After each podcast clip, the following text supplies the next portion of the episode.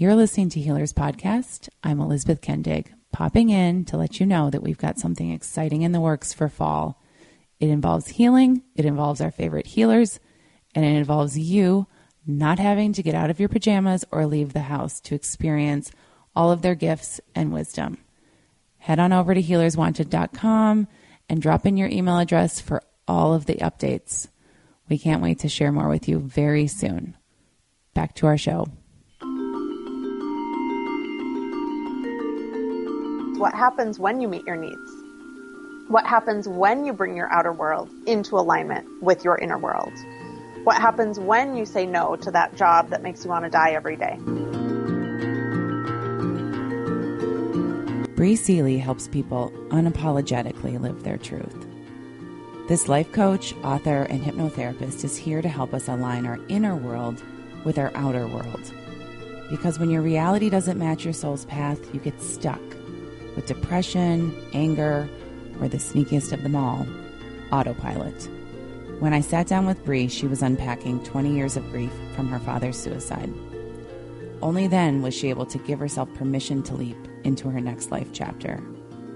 After this episode, you'll want to do the same. I'm Elizabeth Kendig, and this is Healers.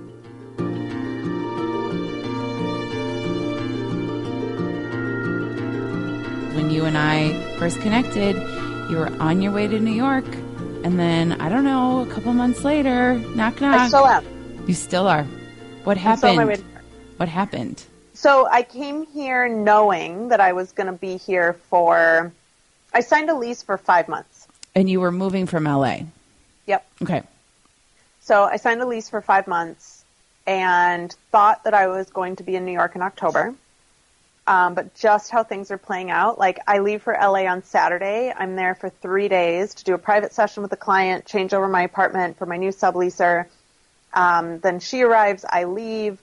I go to Texas in August, back to LA in August to get all my stuff and like leave my apartment and drive it back to Minnesota to put it all in storage. And then in September, I'm going to Florida for a week, keynoting in Wyoming for a week um, October, I have to go back to LA. I have to drive back to return my car in October. Um, I just booked a keynote in Milwaukee in November. Like I'm going to Mexico in December, plus all this marketing stuff. Like there's, I just have so much going on right now that I'm like, for me to try to add on finding a place in New York and moving before the end of the year and like all those things, I'm like, you know, what if I were to just stay here for the winter, hibernate, continue doing some deep healing work, getting all my stuff in order. I already have someone on board to, for me to hire next year so that once I get all of my um, marketing stuff set, I'm going to basically ramp up my income, hand it over to a growth company, and then get them to take me even further. What's a growth company? Do we so, all do we all need one? it's like a, I mean, they're a marketing company, but they just use different thing, like some different things than a lot of other people are using right now. They're using a lot of like chatbots and different things to like different strategies. He was telling me one of his clients right now actually makes money on every lead instead of spending money on every lead. Wow. And I was like, that's a practice I could get down with. How do we do that? Yeah. Yeah. Yeah. There's definitely no reason to rush moving to New York. I mean, it's moving's a bitch as it is, let alone yeah. New York. And you know, there's nothing better than hibernating in the Midwest in the winter. But you also have had some interesting healing experiences since you went home because this is where you're from. Yep. Yeah. So, um, I don't know how much I told you, but my dad committed suicide when I was 15. Oh, I'm so sorry. Um, thank you. So it was, it's interesting. I, I didn't really ever know him. So I was raised by mostly a single mom. He had me every other weekend and holidays until I was eight. And then I saw him very, very, very briefly about two years. And then he hit Oklahoma. So he would periodically send me cards. He would periodically call, but he was a bipolar paranoid schizophrenic um, who used alcohol and you know, all sorts of stuff. So I never really knew him. So when he passed when I was 15, I was like, well, this person that I didn't really ever know just died. So like, what do you do with that? How are you supposed yeah. to feel? Yeah. And so I ju- actually just did a grief podcast and I said, I was like, I didn't have any care that my dad died until recently. And the guy was like, that can't be true. And I was like, it's absolutely true. Like I had no attachment to him. I had no, and what I've really realized is that that and some other stuff surrounding his family and just some anger and like all sorts of stuff has just been festering for 20 years. And, um, it's really been holding me back and just, yeah. So been doing a lot of healing and grief work, um, around that because one of the things that I just got really clear on was like, New York is my place and I've known it since I was little. Like it, my soul has been craving New York since I was, I've been thinking back. I feel like it was actually Oliver and Company, the movie that, which is what Oliver's named after. That's amazing. That was like possibly my first knowing of New York. Maybe there's a had, past life connection there. There very well could be as you know as well, but like there's no. My mom hates New York. There's no like I I didn't even go until I was 16. There's no possible reason for me to be obsessed with New York at such a young age. And I've wanted to live there forever and I'm I've just gotten really clear that I can't go there continuing to live all the same shit that I've been living for the past 30 years. Like I've got to clean house, really move through some stuff in a powerful way, get myself super set. New York's a very unforgiving city in a way that LA is also unforgiving but different. And um, yeah, I'm just not willing to move to New York with all of this baggage and this elephant that I've been carrying around for 20 years. And the elephant is connected to your grief with your with your father. Totally. So, what does someone who helps the rest of us take leaps and make these big changes and step onto our path? How do you work through that monkey on your back? So, I do what I recommend everyone else does, and I hired a coach, basically. Yep, healers need healers too. Pretty much. She um, she's been really helpful for me. We did an immediate like half day session together just really helping me like feel into where is this anger and grief living in my body? What does it want? What like how do I how do I unleash it and unlock it so that it's not controlling me any longer? And you know, lots of journaling, lots of meditation, um, just you know, writing letters to my dad, lots of forgiveness work, um, both for him and his family, and just I mean, it's basically all the same things that I teach to others. How does that sort of, I mean, I don't, you can share how it manifests with you, but how does that kind of grief and or anger hold people back? Like, how does that show up so that we could recognize that for ourselves?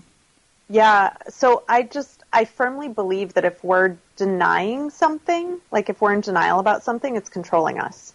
So even though I wasn't looking at it, I wasn't seeing it, like I said, there's that elephant in the room and it's going everywhere with me, even if I don't want to see it. And it's like I'm having to lug around all of this extra stuff. Like I'm having to, you know, I go to take a walk in the morning and I've got to bring my elephant with me. like I go to get groceries and my elephant's coming with me, right? Like it's just this, this heaviness, this energy, these emotions that have essentially gotten trapped within us that in order to do the healing, we have to let them go so that they can move on. You know, emotion is simply energy in motion. And if you're stopping that motion of energy, that's when things get stuck and get trapped and start to rule your life. So things that have been stuck for say like, I don't know, 20 years, it's about giving that, giving them motion again so that they can pass, so that they can move through, so that you can let them go. Yeah, and they physically are imprinted on you. I'm learning more and more. It's not just yeah. it, the, the denial, you know, is that sort of paradox with that fact because you're not. I'm not thinking about it. I'm not talking about it. You know, you don't know you're still sad, but like it's it's really embedded at this point. Yeah, I've likened it to, and I know this is kind of a, a bad example, but it's like if you were to have cancer and you just like put a band-aid on it, right? Like that doesn't doesn't like cut it. It's still there. Mm-hmm. Still there. You got to go in and get it out. Yeah. There's no there's no band-aid or or amount of happiness or joy or whatever that can fix or heal any sort of sadness or grief or anger or any of those things. I find that you try every I mean, okay, I will say I like to try everything though. Mm-hmm. like to try every other tactic before I might tackle the hardest stuff, right? Okay, I'm going to distract myself with food or alcohol or fun or, you know, the job that you can do in your sleep, right? And just Yep. keep going. And because it's easier, but then you, you get to the end of the line and there's nothing else. There's nothing left to try. Yeah. And I, you know, I'm firmly of the belief and opinion that you're, like you said, you're going to have to go there anyways. Yeah. You can spend years in denial about it, which, you know, also guilty as charged. Or you can just dive right into it. And and with most everything else in my life, I've gotten into that like diving right into it kind of energy. Um, this has kind of been one of the last pieces that I really had an invitation to work on and coming back to where I grew up, which I said I would never, ever, ever, ever. Like I left here. I left my hometown when I was 17 to go to college. Still in the Midwest area, and I left that at 20 and never turned back. Yeah, you went overseas even. Yeah, Yeah, And, I, I know uh, that feeling. But I feel like it's be, like I. Yes, I have an adventurous spirit, and and Minnesota's not my place, although it's you know it's fine. But um, I do feel like I've been running, and like you said, trying everything. Right? Like, oh, maybe if I go to Italy, then I then I'll just like leave the elephant. Nope. Turns out it came on the plane with me. oh, maybe if I maybe if I move to Seattle, maybe then maybe then that'll be the answer. I'll find my happiness there. Nope, sure didn't. Like, and it's really interesting too because so I turned 35 in May, and I realized that my theme, both physically and metaphorically, for 35 is coming home. And it's really truly about coming home to myself, but then also literally coming home to a place that I haven't lived in, I don't know, 18 years. I think this is so sacred and magical, really. Yeah. And it's not permanent. It doesn't have to be. No, and you know if you if you've studied Joseph Campbell at all too, he talks about in the hero's journey. I mean, one of the last steps is really truly coming home, and that's where I feel like I am right now is coming back to one. I've been doing a lot of work with my little girl self um, because I feel my birth. I wrote letters. I wrote 34 letters to every single me from age one to age 34. And um, really looking back on how I've really truly denied myself of knowing myself for so long. And then I got to do things like um, I went to my parents' house, I think it was um, Father's Day. First time I'd spent Father's Day with my family since uh, probably 2005 and went through the old box of photos and got to look, you know, like, and I took, I'm, I told my mom, I was like, I'm just taking all of the ones that I want. And I took all the photos of me as a little girl and I've actually put a bunch up over my altar because I was, I've been really mean to myself to that little girl version of set myself, especially leading up to the age of 17 where I was like stuck in my hometown, right? And it's it's not her fault. It's it wasn't I didn't I couldn't do anything about it. There was nothing, but I've been so mean to that like those parts of myself. Um that I'm it really is about coming back to myself, coming back to wholeness. So much forgiveness work for myself and other people and um, it's it's been a trip. I've only been back for uh, two going on three months. And yeah.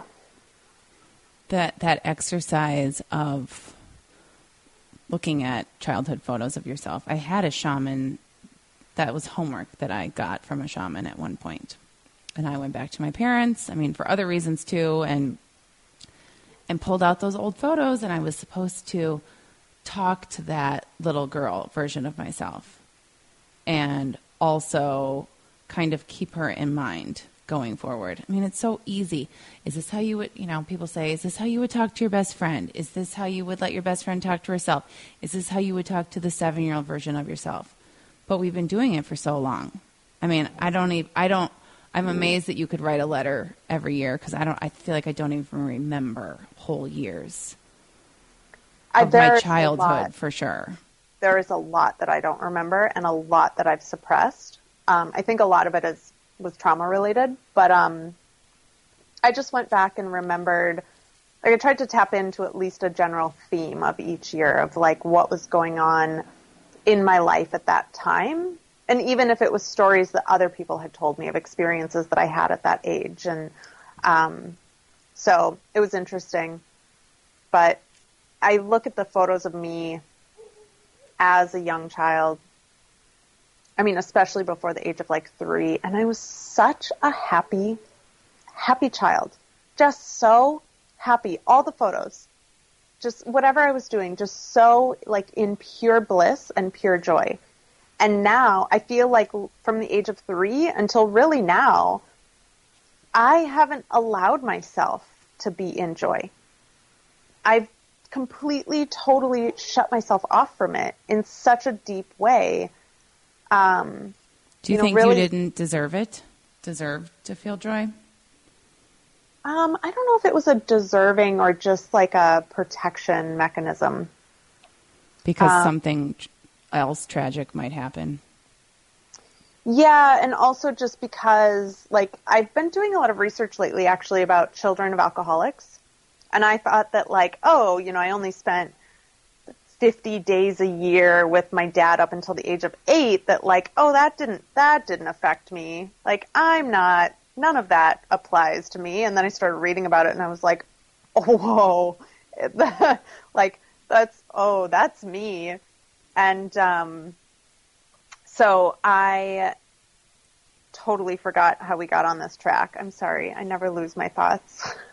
No, I think I think I asked you um, why you were depriving yourself of joy, and you said to oh. protect yourself. So a lot of what happens with children of alcoholics is that like even I was even at a thing last night and the person I was with kept being like, "Are you having fun? Are you having fun?" And I was like, "Yeah, I'm fine." And he's like, "You're just very like kind of backed off from the experience." And I was like, "Well, this is just kind of what I do is I stand back and I I observe. Like always you know, seeing what's going on around me, seeing, you know, who's around me, what's safe, what's not safe, and just like almost like cataloging in my brain the entire layout of where I am and who's there and all that stuff. And it's just something that I do instinctually uh, that prevents me from experiencing the joy. I was at a I was at a DJ set last night, and like just barely even danced and just was kind of like standing around observing everything. It's like, why, why am I not letting myself have joy in this moment? So it's, it's almost like a, yeah, it's like a defense mechanism, I think. And so you don't have the answer yet why you weren't letting yourself have joy in that moment. I think at this point it's just a conditioned habit, like yeah. a habitual defense mechanism. I think back it in my childhood when I did it, I had to do it out of, out of survival. Um, but yeah, now it's still something that I'm carrying around and it's interesting to witness. I'm definitely still in the preliminary phases of this part. I'm in the witnessing phase of like, oh look, I'm doing that thing again. So we'll see how it unfolds. I'm trying to find this. Um, I'm trying to find this passage in your book, "Permission to Leap." and and obviously you wrote this before you went home. This was written what a few years ago, right? One year ago. One year ago. Okay. so before you've been going through this sort of cathartic process, but um, I, the part about how you describe your childhood as being happy and you had everything you needed and you were playing parcheesi in your PJs and you're hanging out with your grandma and there's no reason in your words, right, to feel sad or to feel like something's missing. But you would get out of the tub and you would be standing there, you know, dripping and saying, I don't know, I don't know, I don't know. Like, what's wrong, right? You don't know what's wrong. And reflecting back on that, do you think it's do you think it is tied to this sort of trauma, but you didn't even realize this a year ago? What was wrong? Yeah, I mean, it definitely could be. Um, it it also was. I mean, I think so much of it was that my physical world was just so out of alignment with what my soul has known for so long. And part of that was the trauma with my dad. Part of that was living in a small town in Minnesota. Part of that was, you know, all these other things. Um, when I, you know, by all accounts, like you just said, I should have been great. I had and still have I'm still in contact with my best friend from first grade and her family, right? And my grandparents and and my parents and just uh like I have such an amazing group of people around me and for the most part I also grew up for 10 years as an only child and so not only was I like surrounded by amazing people it was always what do I want what do I want to have for dinner? What kind of movie do I want to watch? What, you like, I got to dictate my entire reality for the most part growing up, except the things that really kept me from feeling that safety and that alignment. And so I always just had this struggle between my inner world and my outer world for a really long time.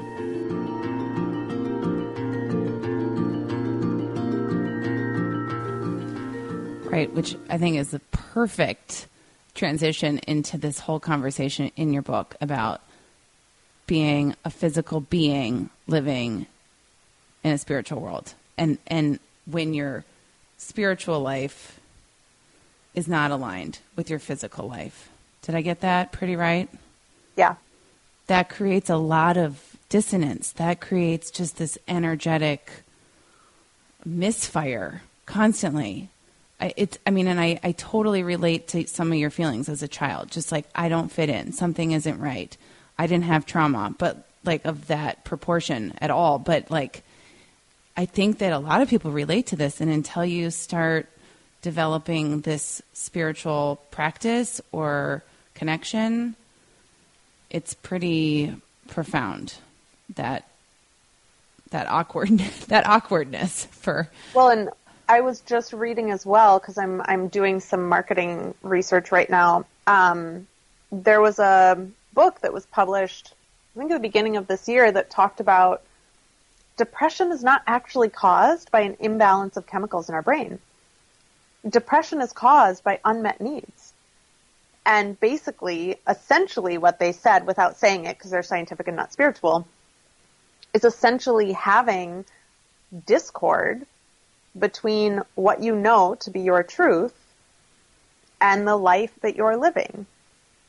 And so, you know, for so long, you know, we've medicated it and like tried to shut down the drugs in our brain versus actually addressing the root cause, which is what happens when you meet your needs. What happens when you bring your outer world into alignment with your inner world? What happens when you say no to that job that makes you want to die every day? What, you know, like all of these things. Like, so when you perpetually are out of alignment between your spiritual world and your physical world, it actually has repercussions that are so much more tangible than than we've ever than any of our race has ever understood. And by race I mean species. Sorry, that was totally the wrong word. And we we get it. We get what you're trying to say. Yeah but like I just I think it's so profound that science is actually starting to show that this discord between our inner truth and our outer quote unquote reality actually has lasting consequences. And unless you're willing to do something about changing your outer world, right? Like so many people think they're victims to their outer world and well, this is just how it is and maybe this is the best that life's ever going to get and I might as well just get used to it. But you have the power to change your outer world. It's scary. Yeah, of course it's scary. But, you know, for me, I'd rather take those scary leaps than live with the repercussions of that. And to be, I mean, I've, I've done it before. I've been in relationships. Like I said, I've lived in cities. I've had jobs, all, like all of those things that really, really kept me out of alignment. And it's not fun. It's not. And I mean, I, I am dying to read this book because it's so true. And you can be so far in it and still not see that your own life is making you depressed, your own choices or lack of choice. You know, yeah. being stuck in indecision, which you've also written about, is like the worst. It's like purgatory. It totally is. And nothing happens in a state of indecision. Mm-hmm. So, how do we how do we even start knowing what our truth is if we're ready to look at that? Does that start with so, intuition? Does that start with meditation? I know everyone's mind gets in the way, right, of your truth and all of the yes. excuses. I mean, this is a rabbit hole that I'm taking us down right now. But I highly advocate for meditation. In fact, someone was messaging me on Facebook earlier and was like, "Oh, do you have any resources for me?" And I, she wanted like books and podcasts and all the things. And I was like, the only resource I have for you is meditation because that is the only place you will ever be able to hear your truth. That's it. You can go buy more books and read more podcasts, but I promise until you do the inner work, you're not ever going to, like no one's going to give you the answers that you're looking for unless the answer is go meditate and listen to your inner voice. That's really the only answer that, you know, and of course people can have tools and tips and stuff about how to do that, but the only way to find your truth is within. That's it. It's the only place it exists. And a lot of people start knowing what they don't want. So they start knowing what their truth isn't, which is a great place to start. What becomes problematic is if people stay there because what you focus on is what you create. So if you're focusing on what you don't want, even though you say you don't want it, it is what you will per- continue to create. So I always tell people absolutely start with what you don't want. Get really clear on what's going on in your world right now that you're just not cool with. And then translate it into, okay, now knowing what I don't want, what does that look like from the other side of the coin? Meaning, what is it that I actually want? Stupid, simple example. If I, I know I don't want to be unhappy, that means that I want to be happy, right? So you, it's a subtle shift, but it's a really, really, really important shift. So instead of walking around saying, I don't want to be unhappy, you start saying things like, I am happy. And, and framing it in a present tense instead of saying like, I'm going to be happy. Because if you say I'm going to be happy today, that could mean tomorrow, but then you wake up tomorrow and say I'm going to be happy, well then it just pushes it off to the next day. You wake up the next day and say, well, I'm going to be happy. It just, it, it's like a continuously moving target. So that's why you want to always state it in the present tense. Even if you don't necessarily believe it at the time, you find a way to continually reinforce it and make that your normal. But it's that shift from I don't want to be unhappy to I, I am happy is a huge, it sounds really simple, but it is a huge, huge shift. Yeah, those I am statements are really hard when you don't necessarily believe it yet, but I I know how powerful they can be in terms yeah. of manifesting and law of attraction and yeah.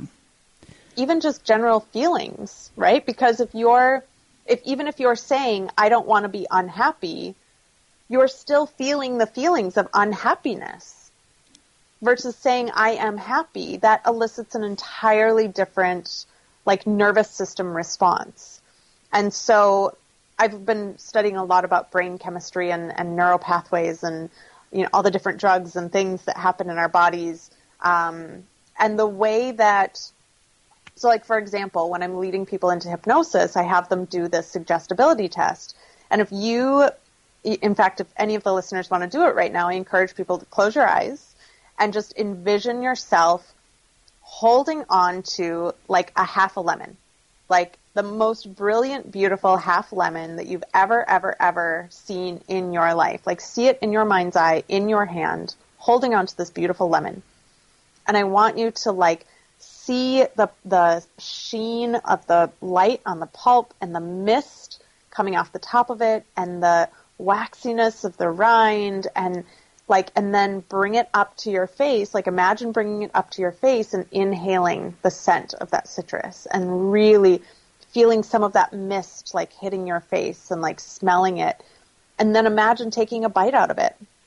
See yourself and feel yourself taking a bite out of it. Like feeling all of the little pockets of citrus explode in your mouth full of the sweetness and the sourness and you feeling the rind on your lips and feeling the juices of the lemon, you know, going down the back of your throat and like really experiencing this. And it's amazing that usually when people do this, like even as I'm sitting here talking about it right now, uh, is my salivary glands start engaging. And my, my body prepares my mouth as if I were actually eating that lemon. And so the cool thing is when you start talking about things like I am happy, I am happy, I am happy, I am happy, your brain starts eliciting the drugs associated with that. Starts eliciting the feelings and the the energies associated with that and it literally changes your the chemistry of your body. And it's like our brains are phenomenal phenomenal machines and we grossly underutilize them. Yeah, and they're powerful. So really think about what you want. Yeah.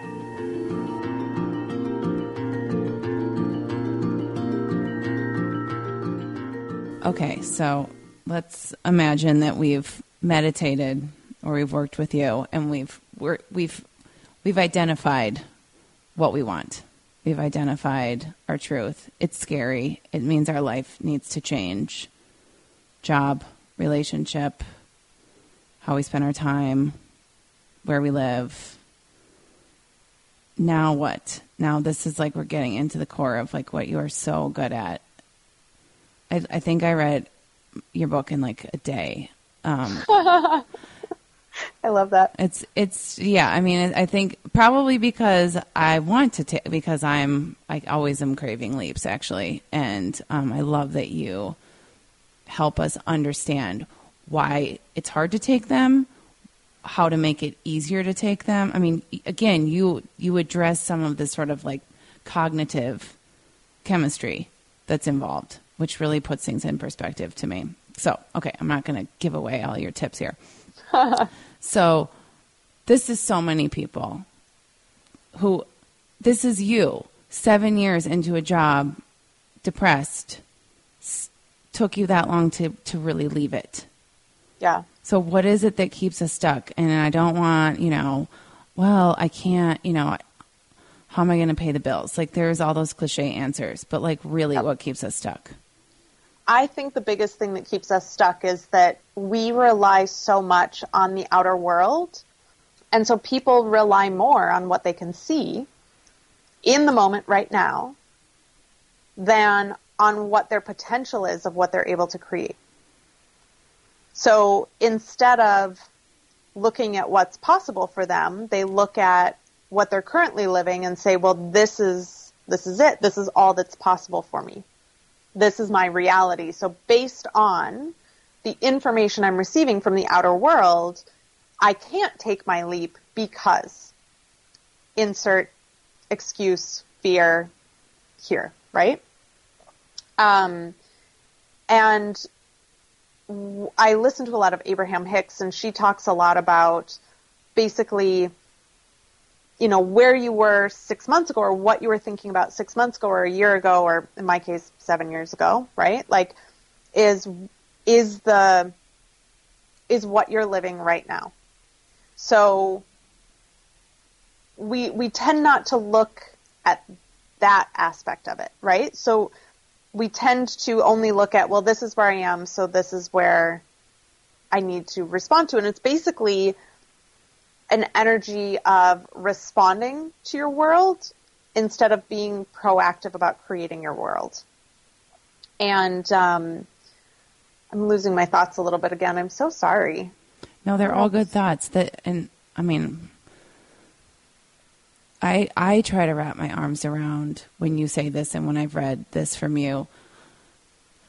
Hanging on to the possibilities versus that which we can see, touch right in front of us. It's real, and that requires what faith, imagination, like trust in the universe. I that's where I think the the heat is here is that well, we tend to assume the worst is going to happen. Why do we do that versus trust, thinking anything is possible? Amazing things could happen. Trust within ourselves as well. We significantly underestimate ourselves. Yes. Over and over and over again. Even if we've done these things, right? Like me, I moved to Italy at the age of 20. I didn't know a single person, didn't even know the language, didn't know where I was living, how I was getting to class, like got lost on my first day, kept asking people where the river was, but I was speaking Spanish and not Italian and no one understood me. Like I've done these things, right? And now moving to New York is just as scary. Like it doesn't get any easier, but you develop more resiliency to be able to do those things. And then you forget and, all about it.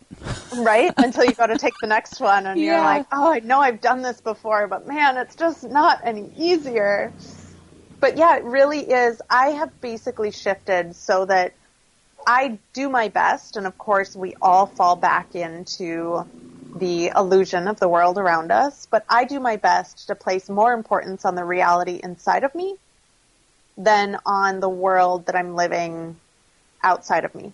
Because for me, the world that I'm living outside of me, kind of like I was trying to say with the Abraham stuff, is the world outside of me is simply a reflection of where what I was thinking and where my energy was six months ago. So, for example, in February, I was having a pickle of a time. Oh man, February was a real bad month for me. Like, real bad month. so, like, I look at my external world now and I'm like, of course this is what I'm living look at what I was thinking, look at the energy I was putting off, look at what I was believing and the stories I was telling about who I am and all of these things. Like, of course I'm here right now. Of course I am. And I know that what I'm creating right now in my inner world, in my business, I've totally shifted and turned things around in the last two months. And it, it's, it's coming. Like I know that it is. Just because I can't see it yet doesn't mean it's not here. It just hasn't manifested in physical form. And I talk about this a lot in the book too, is that we all want the manifestations in the physical world, like immediately, right? But what happens when you're turning energy into physicality is that there's actually a slowing down process that happens, and it's simple physics. When you turn steam into like water, you have to cool it down, you have to slow down all of the molecules so that they can come back into physical form. And that's exactly what happens with manifestations. Consciousness travels faster than light. So to slow it down enough to get it vibrating at the level that we can perceive it in our physical world is a process. And it does not happen overnight. And that's the point where you can't give up, right? What is that, three feet from gold? I think it's in um, I think it's in Think and Grow Rich, but there's also a little meme of like some miners underground. of Like this guy's like, you know, two inches from the gold and he turns around and walks away because he's like, well, guess I'm not finding any gold here. Oh, that's a good visual. Yeah, we're sort of an immediate gratification culture as it oh, is, right? Keeps getting worse. It does. I just had worse. someone ask me about hypnotherapy and was like, so you'll just take control of me and fix everything, right? And I was like, that's not exactly how it works. And he was like, can you just tell me that that's how it works? And I was like, no, that would be unethical of me. I'm sorry, I can't no. He was like, please, can you just tell me that that's how it's going to work? And I was like, no, it's not. You, it, there's no magic pill. There's no pill.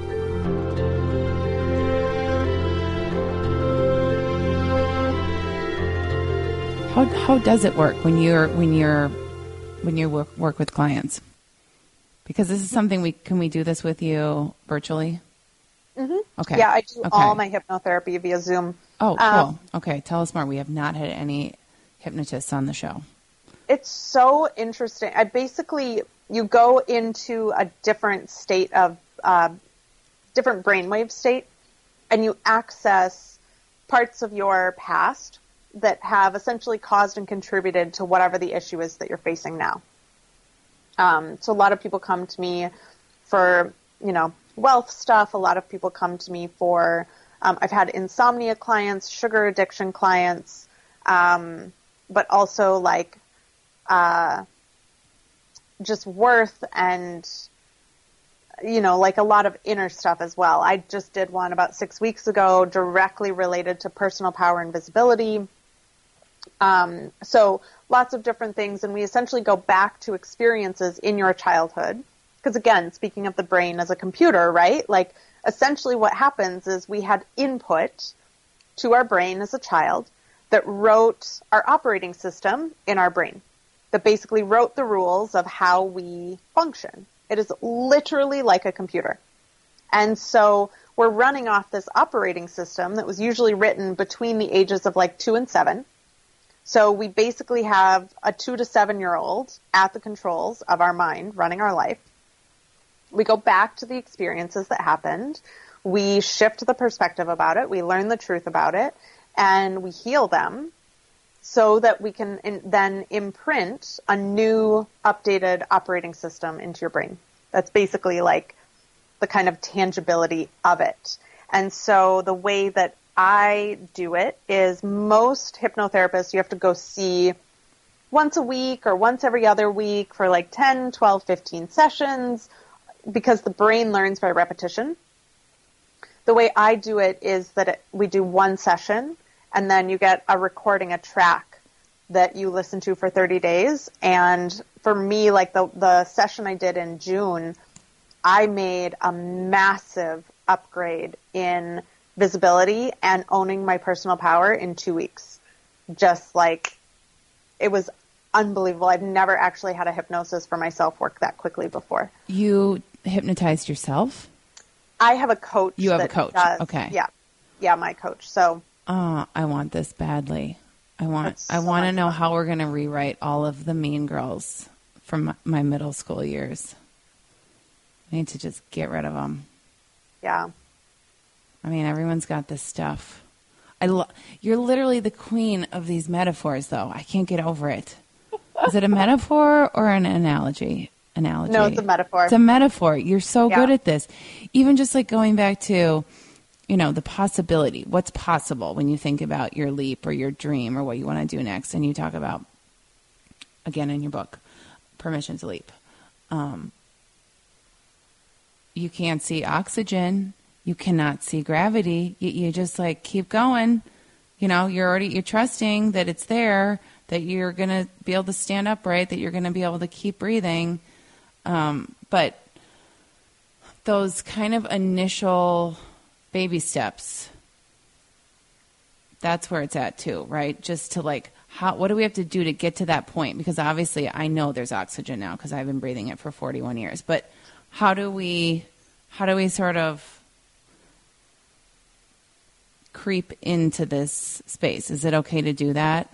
Is it okay to just like, Yeah, I mean, the thing I always recommend is, you know, I personally put reminders when I'm working on changing something. I put reminders everywhere. The back of my computer screen has like all of these affirmations on it. The back of my phone screen has all of these affirmations hanging over my altar. You know, I have I have post-it notes all over. I'll write things on my mirror. I'll have things in my car. I'll set alarms. Like just anything that I can do to just constantly be reminding myself of like, no, you can trust this.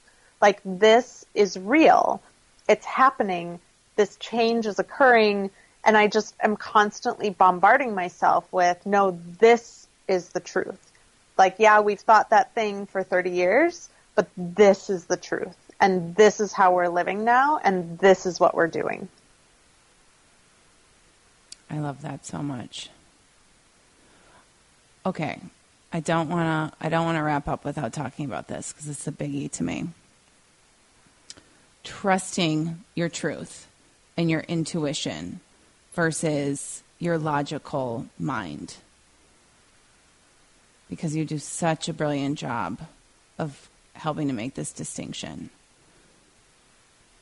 That you can be led astray by yourself, right? Oh yeah. Yeah. Absolutely. I our brains are constantly lying to us. Again, going back to like the things that happened when we were little. So I'll give you an example. So I did a hypnotherapy session, I think it was in December, and had this visual of me, like I could feel myself, my arms were wrapped around my mom's leg. Um, we were in my dad's house he was there, she was there. She, I think she was picking me up from, you know, a weekend or whatever, and I could hear them talking. And I'm like, I know that they were talking about just switching weekends or something, right? Yet in my brain, all I could hear was, I don't want her.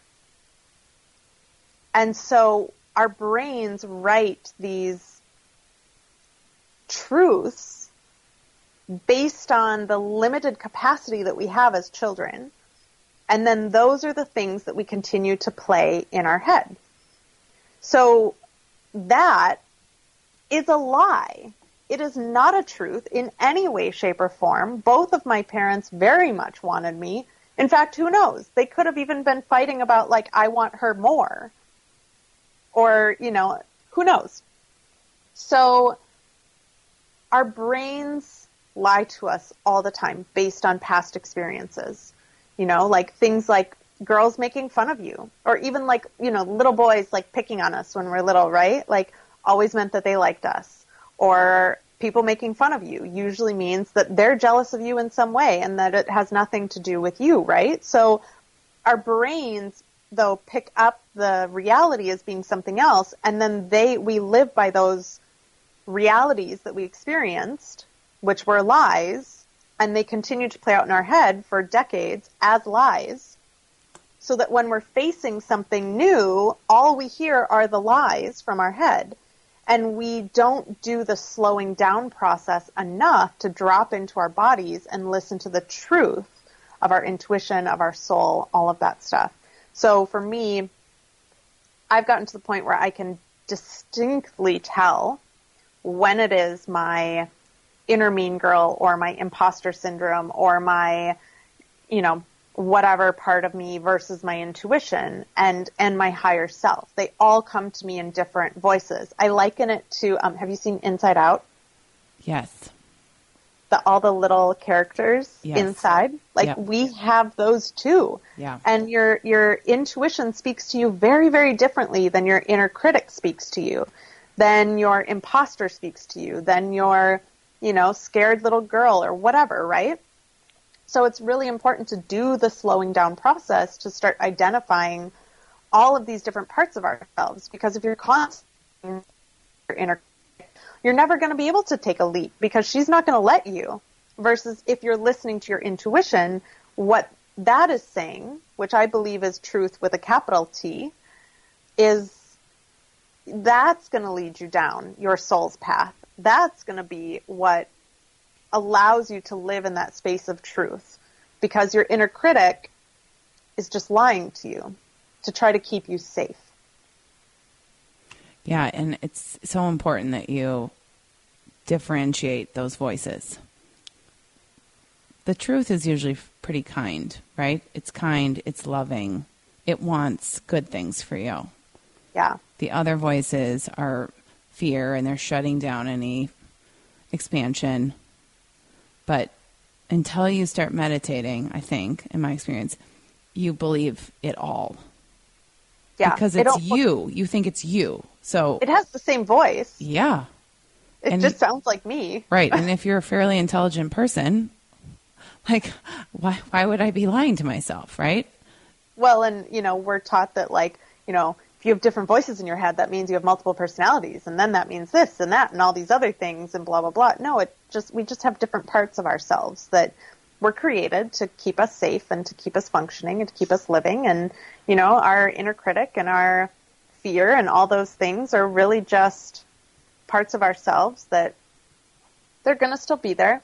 Elizabeth Gilbert writes about this beautifully when she talks to fear. She's like, I know you're going to come. I know you're coming along for the ride. You always do. Not going to stop you. You can come. You don't get to have a say, but you're going to come anyways. So there's a seat for you. But I've really learned like my fear and my inner critic speak much more rapidly. Um, they ramble. They go like it's just this whole different experience than when I'm listening to my intuition. One, I can feel it in my body, and two, it's usually a calm, slow, steady flow. Um, she usually speaks in much shorter sentences because she doesn't need all the fluffy words that fear and your inner critic need to convince you of these lies. My higher power, when I hear it, it almost feels like this sledgehammer just like slamming down and being like this. And like I, it's it's really strong and powerful and again usually very succinct. Um, so once you dive into the intricacies of all of them, you can really start differentiating. Okay, is this my truth with a capital T coming from my intuition, my higher self, or is this, you know, a quote unquote truth that my fear wants me to believe in order to keep me from doing this big thing in the world? You're making me want to meditate so badly. Which could can just be a simple sit or shavasana. You are not talking about, and this is getting quiet. Totally. I will have mornings where, this morning I think I did like 13 minutes, um, but I'll have mornings where it's just, all I have is three minutes, and I just set my watch and, you know, plug some solfeggio tones in and give myself three minutes, and then I move on with my day. Like it's really that simple, but the thing I always recommend to people is consistency because the universe will learn where to find you. If you're if you're meditating on a regular frequent basis, like that's it's in those times when I get the best guidance because I feel like the universe just knows like ah, she's going to be sitting on her chair at XYZ time and that's where we can find her to talk to her and drop in the guidance from infinite intelligence that she needs today. Amazing. Again, I'm going to go meditate now, and I hope everyone listening will too. Okay, Bri. Well, we're going to let everyone know where to find you. They can work with you one on one on yes, this. and I I have one on one. I have a group program, um, and then I also do just single hypnosis. Well, it, it's like a thirty day experience. Yeah. yeah, you'll be seeing me soon. We'll include that all in the show notes. Okay, and we're going to look for you in New York. Soon, March. Mm, Soon. I am sending you so much love and healing on your journey home. Thank you, and thanks for having me. I can't wait to meet up when I get to town. Me either. Namaste. You're listening to Healers Podcast, hosted by me, Elizabeth Kendig, and produced by Derek Wetmore. For notes from our show and to join us on this healing journey, please visit healerswanted.com. P.S. Be sure to subscribe to our newsletter because we've got something new and very exciting coming this fall.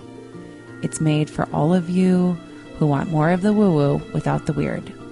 See you soon.